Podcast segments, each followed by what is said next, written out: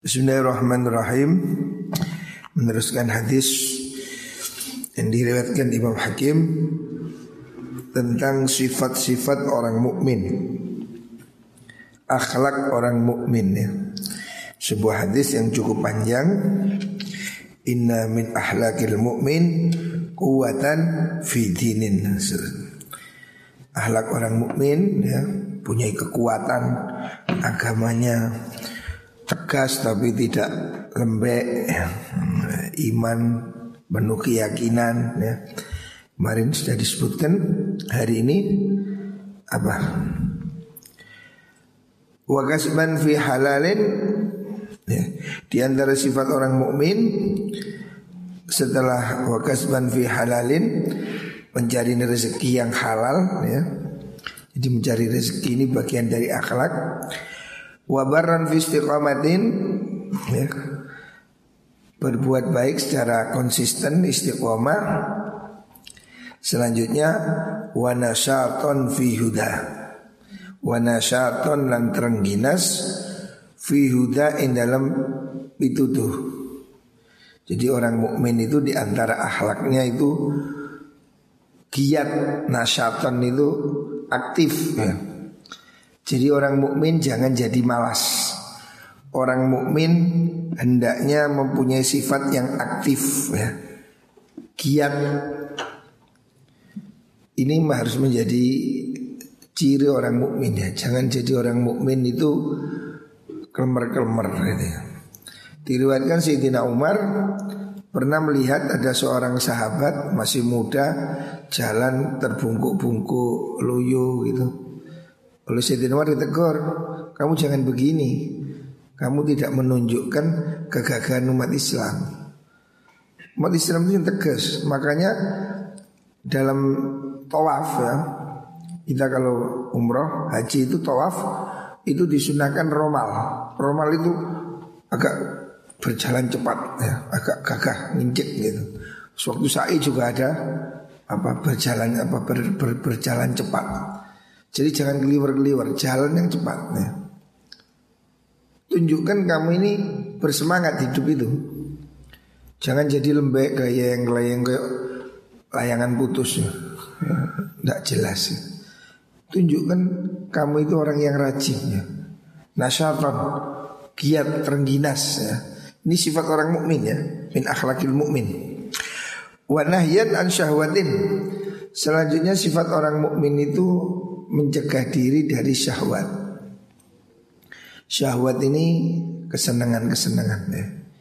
Cobaan hidup salah satunya ini syahwat. Kita ini digoda-goda oleh setan salah satunya dengan menggerakkan syahwat.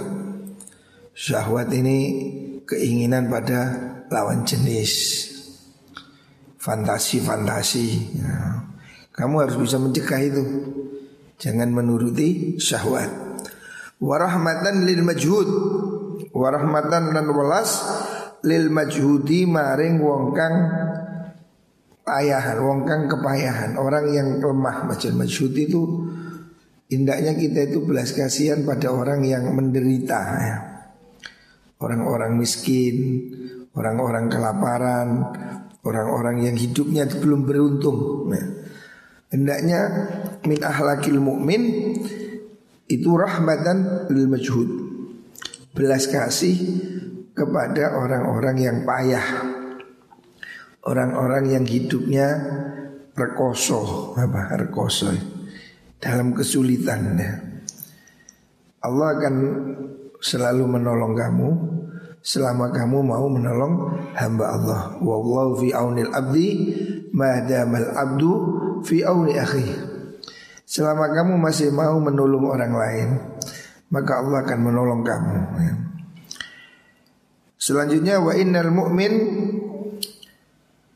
min ibadillahi la yahifu ala man yubghid wa innal mu'mina sudane wong mukmin min ibadillahi sang pira-pira kawulane Allah iku la yahifu orang ngani ngoyo sapa mukmin alaman ing atase wong yo begitu kang bendu sapa mendoakan sapa man ing mukmin. Orang mukmin itu harus bisa mengendalikan emosinya, tidak berbuat jahat, tidak berbuat zalim walaupun pada orang yang tidak menyenangkan. Artinya orang ini mungkin ada yang tidak menyenangkan ya. Di antara kita ini teman adalah yang menjengkelkan. Tapi tidak perlu dibalas kejelekan dengan kejelekan. Sifat orang mukmin itu seperti pohon di tepi jalan. Pohon rambutan di tepi jalan dihantam batu dibalas dengan buah ya. Mangga di tepi jalan dihantam sandal dibalas dengan buah. Jadi balaslah kejelekan dengan kebaikan. Ini kunci sukses perjuangan ya. Idfa billati hiya ahsan. Balas dengan yang lebih baik. Ya. Kalau istilah ayah saya dulu, kalau ada kucing menggigit kakimu, nggak usah kamu balas lah. Masa kucing kamu gigit ya. Tak bodoh kucingnya. Ya. Jangan membalas kejahatan dengan kejahatan. Walaupun orang itu mungkin tidak kamu sukai, ngerepet no ya. Tidak perlu dilayani. Salah satu sifat orang mukmin Allah katakan dalam Al-Qur'an wa ibadur rahman alladzina yamshuna 'alal ardi haunan. Salah satu sifat orang mukmin itu tawadhu ya, berjalan dengan ringan wa idza khatabahumul jahiluna qalu salama kalau dia diganggu orang jahil dia membalas dengan salama ya. Dia tidak membalas orang jahil dengan kejahilan. Orang jahil apa sih? Orang jahil itu ya orang yang iseng ya. Orang yang menertawakan orang yang menjengkelkan. Tidak perlu dibalas dengan hal yang sama ya. Allah katakan dalam Al-Quran ketika orang-orang Yahudi disuruh oleh Nabi Musa untuk menyembelih apa sapi untuk me, menyembelih sapi yang sebagian sebagian mereka kan menganggap Nabi Musa mengambil lelucon ya Terus Nabi Musa mengatakan qala billahi an akuna minal jahilin ya. Menertawakan ngepreng nah, itu perbuatan jahil ya. Ngepreng kalau bahasa sekarang prank apa? Mengepreng apa mengepreng. Itu ya. membuat jahil, berbuat jahil, berbuat usil pada orang lain itu itu bagian dari perbuatan yang jelek dan tidak perlu dibalas ya. Wa idza khatabahumul jahiluna qalu salama. Kalau ada orang mengucapkan kata-kata yang tidak pantas ya. Khatabahumul jahilun, orang-orang jahil tidak perlu dibalas. Qalu salama. Dia mengucapkan ucapan yang baik ya. Tidak perlu meladeni orang yang jahil ya. Jadi jangan sampai kita ini terpengaruh oleh orang-orang yang rendah. Wadah orang misuh maunya. Kau usah kau pisui. Lah kau pisui tambah tua. Oh bajingan, padal, monyet, kerak. Untuk apa ya kamu? Untuk apa? Oh kiri, tersuun. Kasih tahu selesai lah ya. Kalau kamu tidak meladeni, ada orang maki kamu selesai.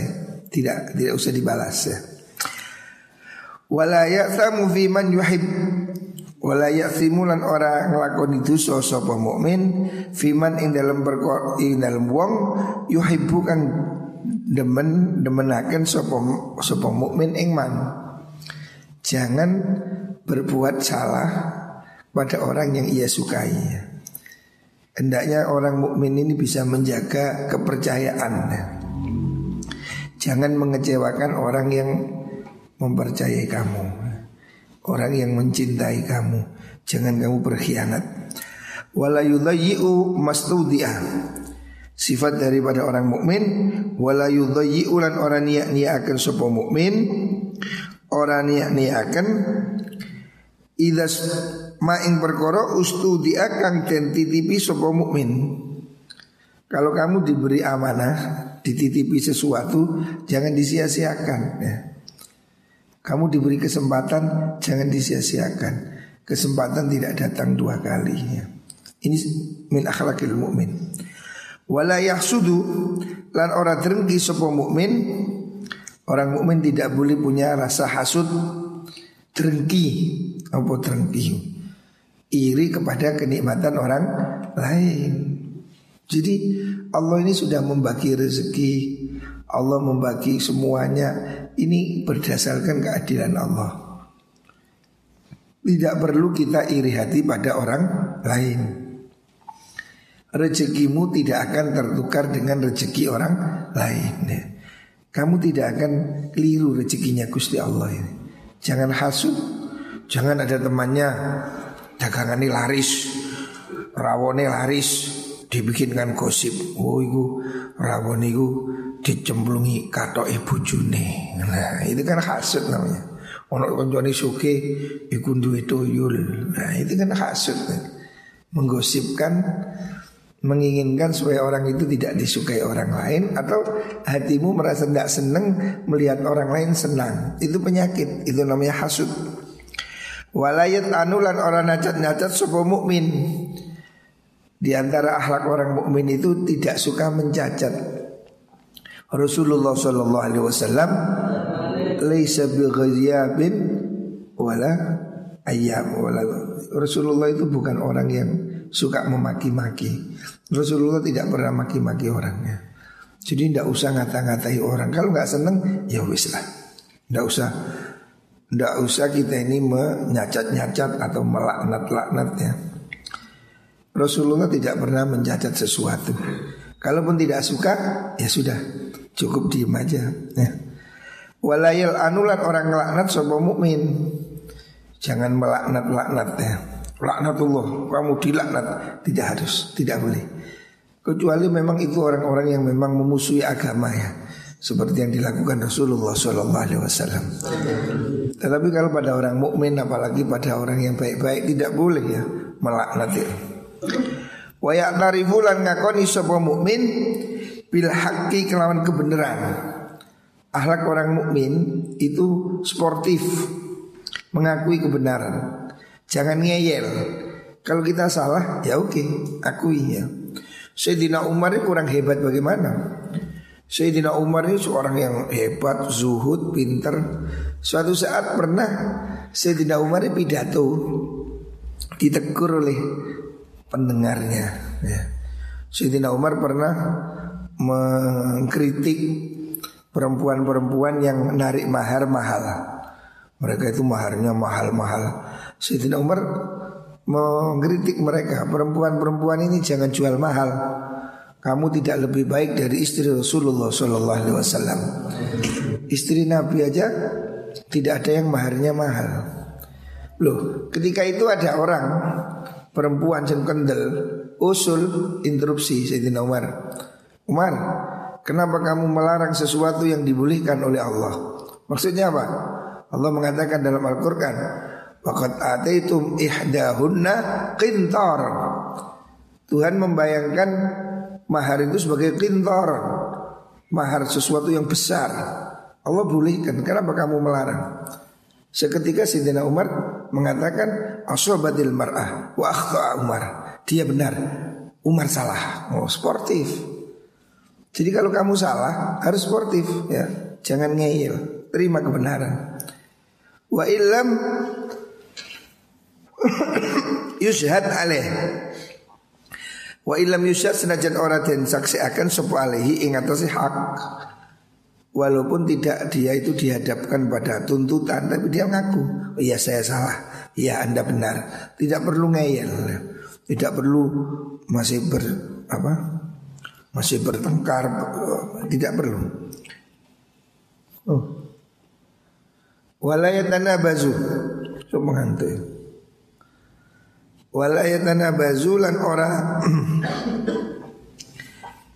ngundang-undang maksudnya tidak men, men, tidak memanggil seseorang bil alqabi kelan biro-biro juluan kang Allah. Orang mukmin tidak menjuluki orang dengan julukan yang jelek. Ol-olok itu. Eh, pendek. Eh, cebol. Hmm. Eh, brot gembrot. Nah, itu tidak boleh ya. Orang mukmin tidak boleh menjuluki orang dengan julukan yang jelek. Kalau wong pesek itu jeluk eh budeng enggak oh, boleh. Untuk wong ireng jeluk black black. Jangan menjuluki orang dengan apa julukan yang jelek ya. Walaupun orang itu jelek, orang uang itu kok wis cilik pendek dijeluk tok mentok, eh mentok enggak boleh. Jangan tanah bazu bil alqab. Al-Quran juga melarang boleh tanah bazu bil alqab. Jangan kamu saling olok-olok dengan julukan jelek ya. Kalau julukan bagus bolehlah. Wahai ketua, Pak Kepala, Pak Presiden. Tapi kalau julukan yang jelek tidak boleh. Eh, copet, eh maling, tidak boleh.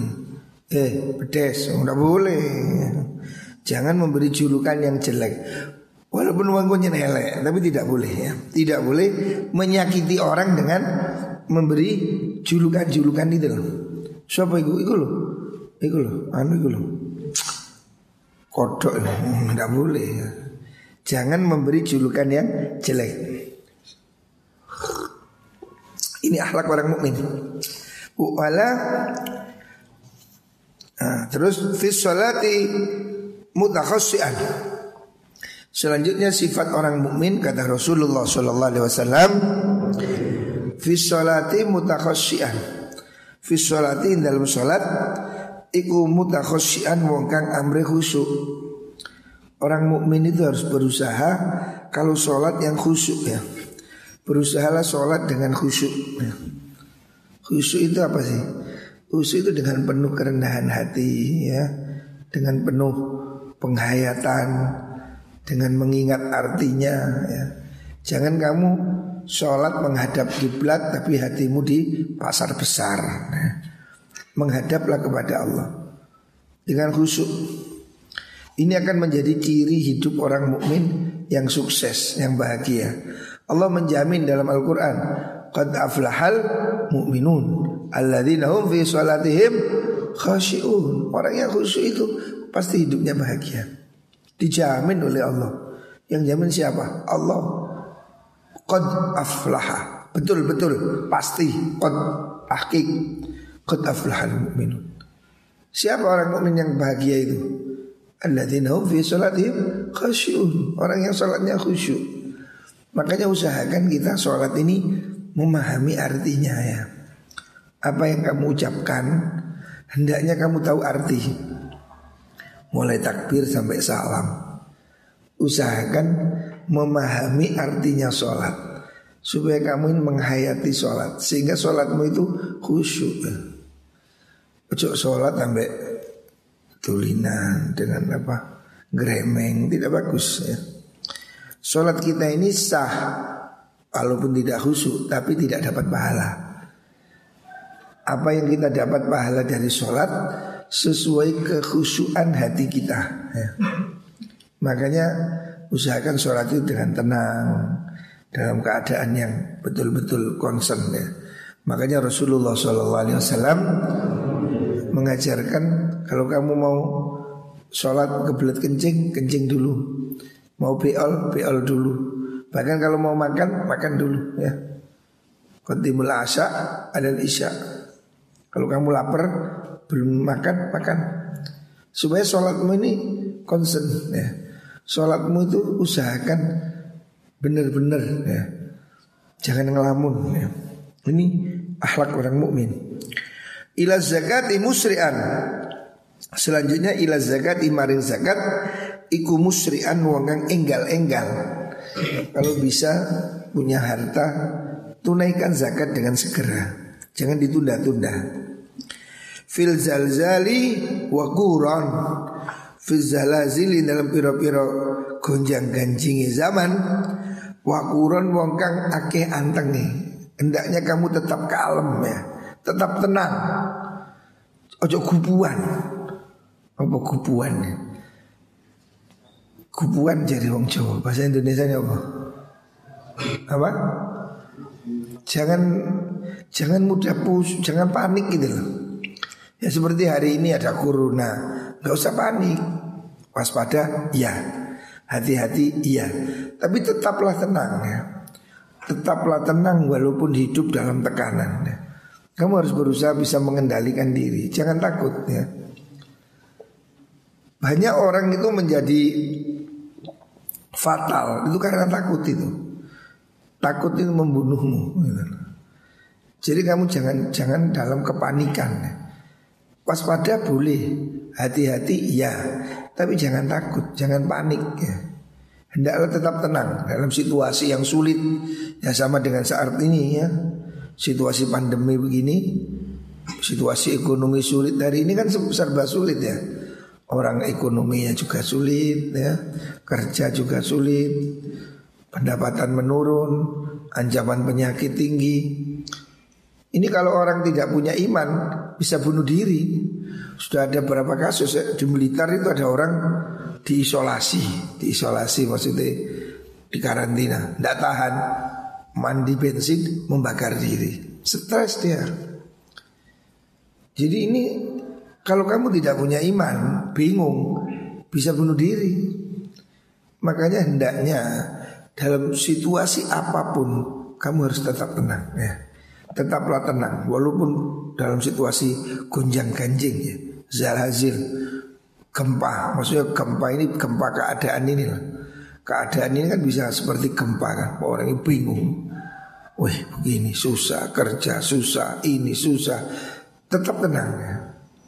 Tetap tenang. Is kamu di pondok. Tenang ya ojo ojo ojo ojo susah ya Alhamdulillah. Kalau kamu tenang, maka imunmu akan kuat. imun, orangnya ada imun sistem kekebalan tubuh, namanya imun. Kalau kamu bahagia, imunnya meningkat, tidak mudah sakit. Tapi kalau orang ini panik, takut, kamu akan mudah sakit. Coba kalau kamu cemas, umpamanya saat ini kamu dengar kabar. Mbak Naudzubillah. Anu umpama nih terus lurus. Apa? Bapakmu tabrakan. Aduh kamu langsung mesti lorong weteng mencer itu susah sedih karena apa? Pikiranmu cemas. Padahal itu gosip umpamanya. Tapi kamu kan sudah kadung lorong ya Seandainya kamu tidak tahu terus di situ tak kasih gunduk-gundukan maesan loro terus bengi-bengi tahu ini kuburannya cerangkong kon padahal kan apa-apa. Tapi emosimu sudah akan membuat kamu lemas padahal itu bisa jadi cuma bohong-bohongan aja. Ya. Fantasimu kamu kalau lihat ini kuburan kamu takut bisa jadi itu bukan kuburan. Kan orang bisa aja iseng Fadi ada gunduk-gundukan di keimahisan Dibilang kuburan Kamu takut walaupun tidak bukan kuburan Karena? Pikiranmu sudah kadung Anu, parno, takut ya. Takut ya. Tetap tenang ya. Kalau kamu tenang Kamu bisa menyelesaikan masalah Jangan panik Ini harus sifat orang mukmin wakuron Hendaknya kamu tetap tenang Kalem ya Badai seperti apa pun kamu harus kalah. Tenang. Kamu akan bisa menyelesaikan. Tapi kalau kamu panik Justru kamu akan menjadi celaka. Banyak orang itu Jadi korban malah karena paniknya itu. Mereka harus tenang. Firrohai syakuran Sifat orang mukmin itu firrohai Dalam waktu penak. Ing dalam waktu murah. Waktu longgar. Syakuran Wong kang akeh syukuri. Hendaknya kamu syukur kalau longgar, alhamdulillah, longgar. Syukur, alhamdulillah hari ini kita masih sehat. Alhamdulillah, syukuri. Jangan mikir yang nggak ono, mikir sih ono ya. Alhamdulillah, syukur sehat. Napas ini nikmat, sehat ini nikmat. Bersyukur ya. Qani'an billadzi lahu. Akhlak orang mukmin qani'an wong kang deriman Bila diklan perkara lahu kang tetap kedua mukmin. Hendaknya dia menerima apa yang dia punyai ya. Kamu tidak harus mencari apa yang tidak kamu miliki Tapi berbahagialah dengan apa yang telah kamu miliki Kalau kamu masih mencari sesuatu yang belum kamu miliki, capek. Berbahagia apa yang kamu miliki. Kalau kamu punyanya sepatu, ya alhamdulillah. Gak punya sepeda motor, nggak apa-apa. Yang penting punya kaki. Daripada punya sepeda motor tapi tidak punya kaki. Jadi kalau kamu naik mikrolet kepanasan, oh coba yang no sedan, duh, mbak sedan enak ya. Oh jangan mikir itu, mikirin sing dorong gerobak itu. Kalau kamu naik mikrolet panas lebih bagus daripada orang yang dorong gerobak.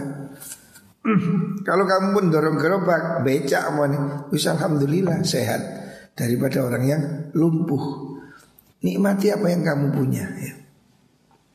Kalaupun hari ini kamu tidak punya banyak uang, tapi kamu punya sehat. Sehat ini jauh lebih mahal daripada uang ya. Kamu nikmat sehat ini lebih penting daripada uang ya.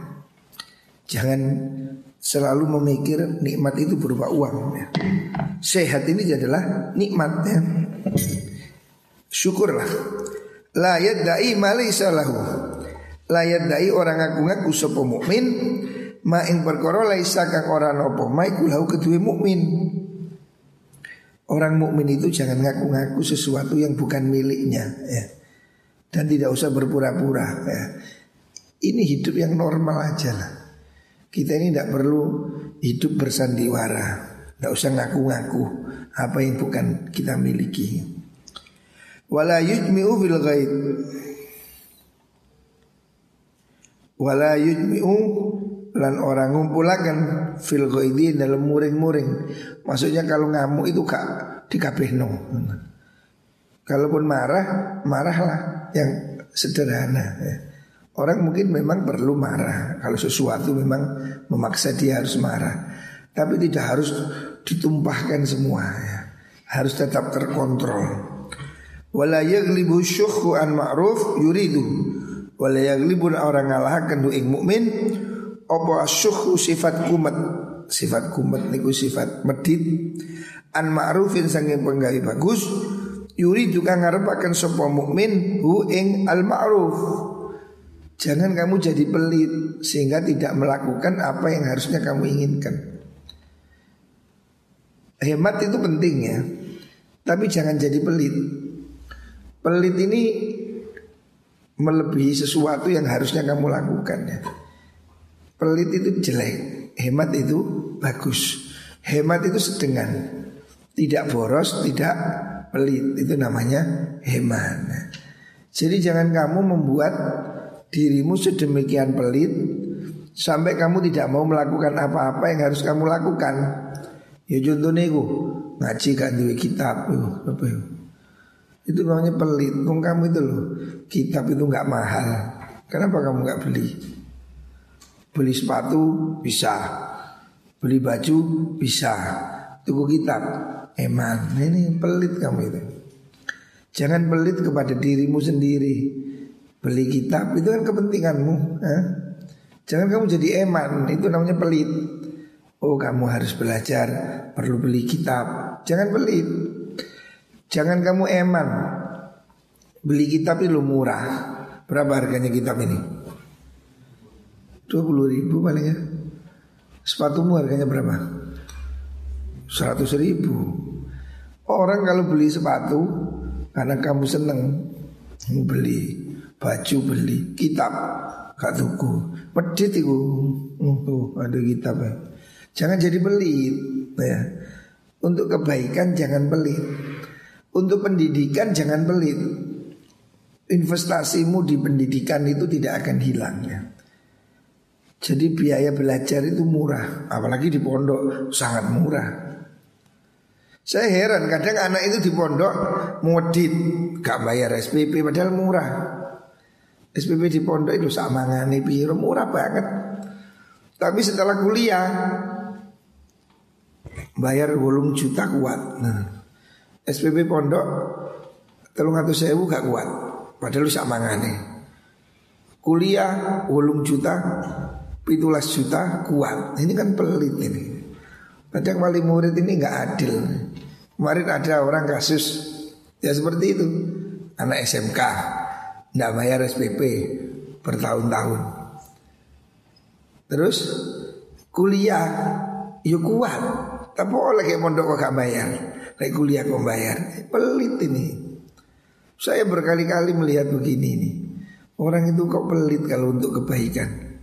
Di pondok gak bayar. Berapa kali saya lihat anak itu. Ke pondok gak bayar, gratis, gak mampu. Ya sudah, saya nggak pernah maksa. Tetapi setelah itu dia kuliah.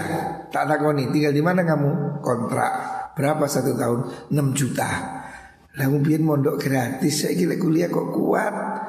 Kontrak 6 juta ya, sutrun asem tenan ya. Enak pondok mumudit, didit, didit, pelit ini bakhil namanya. Di pondok gak tahu bayar, tapi kuliah kuat. Coba, ini kasus begini banyak ini. Pondok di kalah-kalahan, di pondok gelem bayar. Berapa yang gak bayar di pondok banyak sekali. Padahal murah. Di kota itu kos 400 ribu cuma dapat tidur.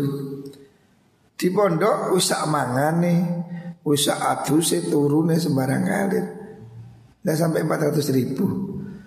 Ngono ya nggak bayar. Jadi medit bakhil nih. Padahal dipakai sendiri. Tapi lagi kuliah nyewa omah 6 juta kuat. Nah, nah ini bakhil namanya ini. Qanian bu Yukhalidun nas kaya'lam Sifat orang mukmin yukhalidun nas Yukhalidu nyampuri sopo mukmin annasai manungso kayak alamu supaya weruh sopo mukmin. Jadi orang mukmin ini jangan menyendiri. Orang mukmin itu bercampur orang lain supaya bisa ngerti. Kamu harus begitu ya. Orang mukmin itu harus bergaul sama orang lain. Supaya kamu tahu oh ini begini, ini baik, ini buruk. Kamu bisa bersosial ya dengan orang lain. Kamu harus berinteraksi dengan orang lain. Kalau kamu nggak pernah ngaji, nggak pernah kumpulan, nggak ikut-ikut kegiatan, ya kamu hidupmu akan semakin pengap ya. Hati itu seperti kamar ya. Kamar itu kalau ditutup terus bagaimana? Pengap. Hatimu juga begitu. Hati yang tertutup itu pengap kotor, bau. Ya. Kamu harus berkumpul orang lain, berinteraksi dengan orang lain, berteman dengan orang lain. Tapi pilihlah orang yang baik ya. Terus beliau Wa yunatiquhum kayafham Wa yunatiquhum lan ngancani urip Maksudnya yunatiquhum itu berbicara, berdiskusi Sopo mukmin hum ingnas kaya fahamu supaya faham sopo mukmin. Hendaknya kamu bisa mendengar orang lain. Jangan kamu diem menang dewi ngelamun ya. Suwe bindengan. Hendaknya kamu berbicara dengan orang lain supaya kamu bisa memahaminya. Kita ini bisa jadi salah paham, menyangka begini ternyata begitu. Karena apa? Tidak ngomong, ngomong kota. Jangan kamu terus batin, koncoku kok ngini. Ngomong, berbicara lah, ya, berdiskusilah, bergaullah. Ya. Orang mukmin jangan menutup diri. Orang mukmin harus berinteraksi dengan orang lain, ya. supaya saling memahami. Kalau kamu tidak ketemu kan nggak paham toh. Ada suami istri, itu tidak saling memahami. Dia mengira kalau istrinya itu suka kepala ikan. Sehingga setiap hari kalau makan disingai kepalanya. Padahal dia itu benci kepala ikan itu. Hingga suatu saat istrinya ini apa ulang tahun dihadi kepala ikan. Dia nangis nangis deh. Karena apa? Mau itu sesuatu yang sebetulnya dia benci kok. Tapi sementara dia diem karena dia diem. Tapi karena diam lama-lama ya dia semakin sakit hati. Kenapa tidak bicara aja? Oh saya tidak suka ini, saya suka itu. Ya. Karena belum tentu orang lain ini mungkin bagi ini senang, bagi ini tidak senang. Nah, satu orang suka pete, satu orang tidak suka pete. Oh saya nggak senang pete, kok sugui pete yo, yo yo pelor kape deh. Sama dengan duren. Duren bagi sebagian orang kan enak gitu betul. Wah duren ini menurut saya ini buah surga ini. Enak. Tapi bagi sebagian orang menyiksa sekali. Ada orang yang baunya tok munek-munek. Makanya saya pergi ke Medan. Di Medan kan pusatnya durian, enak-enak di sana. Wah, tapi resikonya kapan hari saya ke Medan makan durian, kambing enak. Mulai nih kayak iso is asam urat. Ada orang yang tidak tahan, makanya di hotel-hotel di Medan ditulisi dilarang bawa durian ke hotel. Loh, bagi orang yang seneng durian enak kok kak. Udah bagi orang seneng, saya nggak seneng. Ilmu tamu tamu budok saya nggak seneng. Makanya kamu harus bicara, ngomong supaya dia paham. Oh, saya tidak suka durian, saya nggak suka pete, gitu loh. Bicara supaya kamu bisa saling memahami. Apa yang enak menurut kamu mungkin tidak enak bagi orang lain. Ya. Hendaknya kamu biasakan ngomong ya. Apa yang baik ya. Wa in dzulima wa bughiya alaihi sabara. Sifat orang mukmin ini yang terakhir wa in dzulima lamun didzalimi sapa mukmin wa bughiya lan den lacuti maksudnya dicurangi sapa alaihi mukmin sobaro mau sabar sebuah mukmin. Kalaupun kamu disakiti ya sebaiknya kamu sabar. Tidak usah balas. Sebaiknya ya. Wa man afa wa aslaha fajruhu ala Allah. Kalau kamu didolimi, kamu bisa mengampuni, itu akan memuliakan hidupmu ya. Ada tiga hal yang disumpahi oleh Rasulullah Sallallahu Alaihi Wasallam. Salah satu uksimu alihin. Ada tiga hal saya bersumpah. Itu pasti benar. Yang pertama Mana kosol malu abdin Bisodakoh Orang hartanya tidak akan kurang karena sodakoh Yang kedua Wa ma Fa'afa anhu Illa rafa'ahullah Tidak ada seorang yang dizolimi Kemudian dia mau mengampuni Kecuali akan dimuliakan derajatnya oleh Allah. Ya. Jadi kalau kamu bisa maafkan Maafkan aja. Ya. Jangan mendendam. Ada orang berbuat jelek pada kamu. Kalau kamu bisa maafkan aja lah. Hmm. Tidak perlu kita membalas kejahatan dengan kejahatan. Itfa billadhi hiya ahsan. Balas dengan kebaikan. Ya. Sobar bersabarlah hatta yakuna sehingga ono sop ar-rahmanu gusti Allah kang mau welas huwa yu ar-rahman iku alladzi zat yang tasiru kang nulungi sapa alladzi lahu maring mukmin. Ya. Ini sifat orang mukmin ya. Yang terakhir dalam hadis ini kalau dia dicurangi, kalau dia dizolimi, dia bersabar. Biarlah Allah yang akan membalasnya. Ya. Kita tidak usah balas. Orang-orang yang jahat pada kita akan dibalas oleh Allah. Siapa orang berbuat baik akan dibalas baik. Siapa orang berbuat jahat akan dibalas jahat ya. Menamila su'an yujzabi. Dia akan dibalas ya. Keadilan Allah pasti datang ya. Dia bisa lari dari keadilan manusia Tapi orang tidak akan lari dari keadilan Gusti Allah Makanya tidak perlu bertengkar Kalau ada berbuat zalim mereka pada kita Ya sudahlah, sabarlah ya. Kalau kamu terima, kamu sabar, itu lebih bagus. Ya. Gak usah bertengkar, walaupun benar. Ya.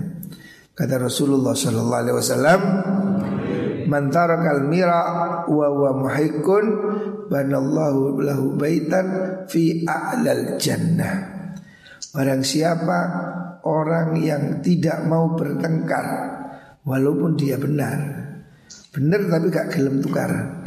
Allah akan membangunkan dia rumah di puncak surga. Jadi gak perlu bertengkar. Kalau kamu benar pun gak usah bertengkar. Kalau kamu benar pun gak usah marah, apalagi salah. Wih salah, si marah, was ini jelek ya. Tidak perlu marah ya.